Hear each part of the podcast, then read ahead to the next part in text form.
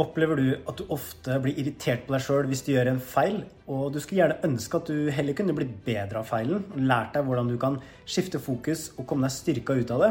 Det er noe av det som du får lære i denne episoden her med Tim Rudi. Han skriver nå en bok om kraften av mindset, og hvordan det er en av de mest avgjørende faktorene for om du velger å dømme deg sjøl, eller lære av det og bli bedre. Og det du får høre i dag, det er et utdrag fra et foredrag som han holdt for en liten stund tilbake.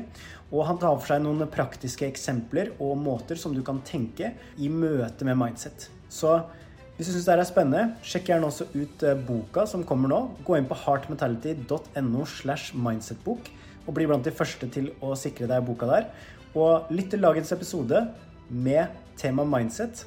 Og kanskje på slutten av episoden her så vet du litt mer om hvordan du kan gå fram for å bli litt snillere mot deg sjøl og bli litt modigere i møte med feil.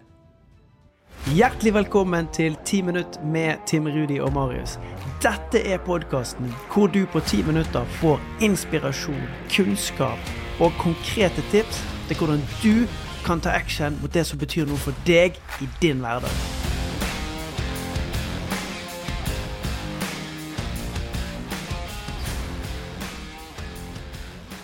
Så kan vi se på to ulike sider av dette. Vi som foreldre, foresatte, onkler, tanter, besteforeldre. Hvem er vi når barnet skal lære seg å gå? Vi er verdens største heiagjeng. Til og med den strengeste onkel sitter på knærne og sier 'Kom, da! Ja, flott! En gang til!' Og så vil jeg utfordre dere til å reflektere på hvem er dere for kollegaene, eller hvem er dere for dere sjøl når dere skal prøve helt nye ting? Hvor mange ganger velger vi entusiastisk å heie på hverandre og løfte på hverandre fordi at vi vet at noen ganger så må vi ramle 216 ganger for å lære det? Fordi at det er én ting som er sikkert. Ikke en eneste gang, tror jeg, da, at barnet gjennom den perioden ramler på rumpen og tenker Det der å gå, vet du, det ligger ikke for meg. Jeg ser dere andre gjøre det, men vet du hva, jeg holder meg til kryping. Sant? For det ligger en iboende ønske om å vokse og utvikle seg i mennesket. Et eller annet sted på veien så sparker vi litt bein på oss sjøl. Og det ene handler om hvordan vi gir hverandre tilbakemeldinger. Jeg syns det er greit å bruke barn som en metafor på å fortelle det faglige, for vi fleste kan, kan, relatere oss til det. Men se for dere dette barnet som sitter midt i rommet i stuen, har en, en liten bunke med klosser og driver og balanserer dem. Når den siste klossen er satt på toppen og laget et tårn, så har vi et valg. Vi har et valg i måten vi gir tilbakemelding på. Det som vi veldig ofte gjør, det er at vi sier 'Wow! Nå var du flink.' Og så sier ikke vi noe mer. Og Så går det litt tid, og så rives tårnet ned, og så bygges det opp på nytt igjen. Så gjør vi det samme en gang til. 'Wow! Nå var du flink.' Så skjer det samme tredje gangen. Så skjer det samme fjerde gangen. Og nå vil jeg at dere skal tenke etter. For femte gangen så raser tårnet når det er fire klosser igjen. Hva skjer med dette barnets tanker om seg sjøl når det ramler halvveis i byggingen? Jeg er ikke flink til å bygge tårn.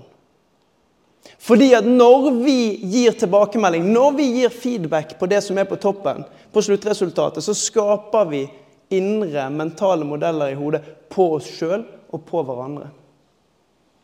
Så når vi skal skape endring i oss sjøl eller i andre, så må vi gi hverandre tilbakemeldinger på innsatsen og prosessen.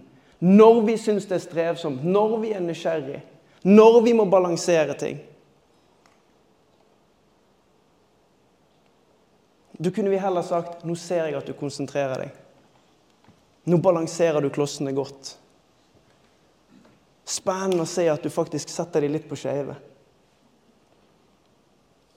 Så kommunikasjon og måten vi snakker til hverandre på, avgjør hvordan vi tenker om den oppgaven vi skal gjøre.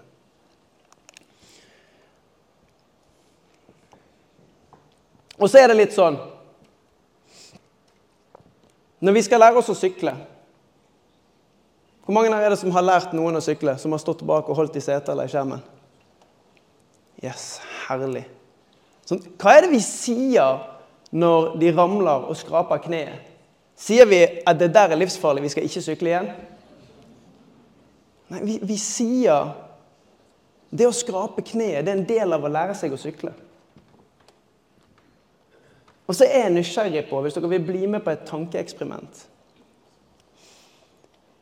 Hvis ingen av oss her kunne sykle Det var den ferdigheten vi bare fikk slettet av hjernen vår. Og utenfor så sto det 350 sykler.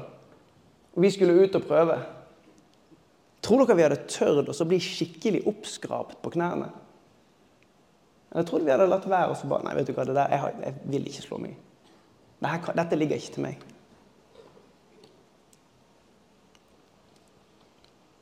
Det skjer noe med oss mennesker på veien ifra når vi er nysgjerrige, åpne barn med en enorm lyst til å stille spørsmål til hvorfor, hvordan så slutter vi å stille de spørsmålene. Samtidig som vi blir redd for å slå oss. Og det, og det er ikke rart. For den hjernen som vi bærer med oss, den er kanskje 10 kanskje 100 000 år gammel. Og så har samfunnet utviklet seg i en voldsom fart. Våres automatiske system, det er å leite etter ting som er farlig. Vårt automatiske operativsystem er å se etter ting som kan skade oss. Ting som kan være en trussel for oss eller for omgivelsene våre.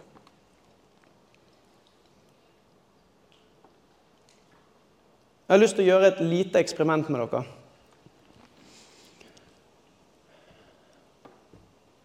Jeg har med meg en bag med 30 sett med sjongleringsballer. Jeg trenger 30 stykker som har lyst til å komme opp på scenen her. Og så sammen, Jeg har med en kompis som er skikkelig god på å sjonglere. I løpet av tre minutter lære seg grunnleggende teknikk i sjonglering. Opp med en hånd, de som har lyst til å bli med. Du som har oppe hånden der, kan du sjonglere fra før? Herlig. Hvor mange hender så jeg? Så tror jeg så én hånd. Og så er poenget at jeg har ikke noen sjongleringsballer. Men jeg har veldig lyst til at dere bare spoler tilbake 34 sekunder. Og så tenker igjennom hva tenkte jeg om å gå opp på scenen med Tim og sjonglere. For det er tankesettet ditt i møte med nye ting som kan være farlig. Vi inni kroppen Jeg vet hvordan det er tenker ikke søren om jeg skal opp der og så, og så dumme meg ut.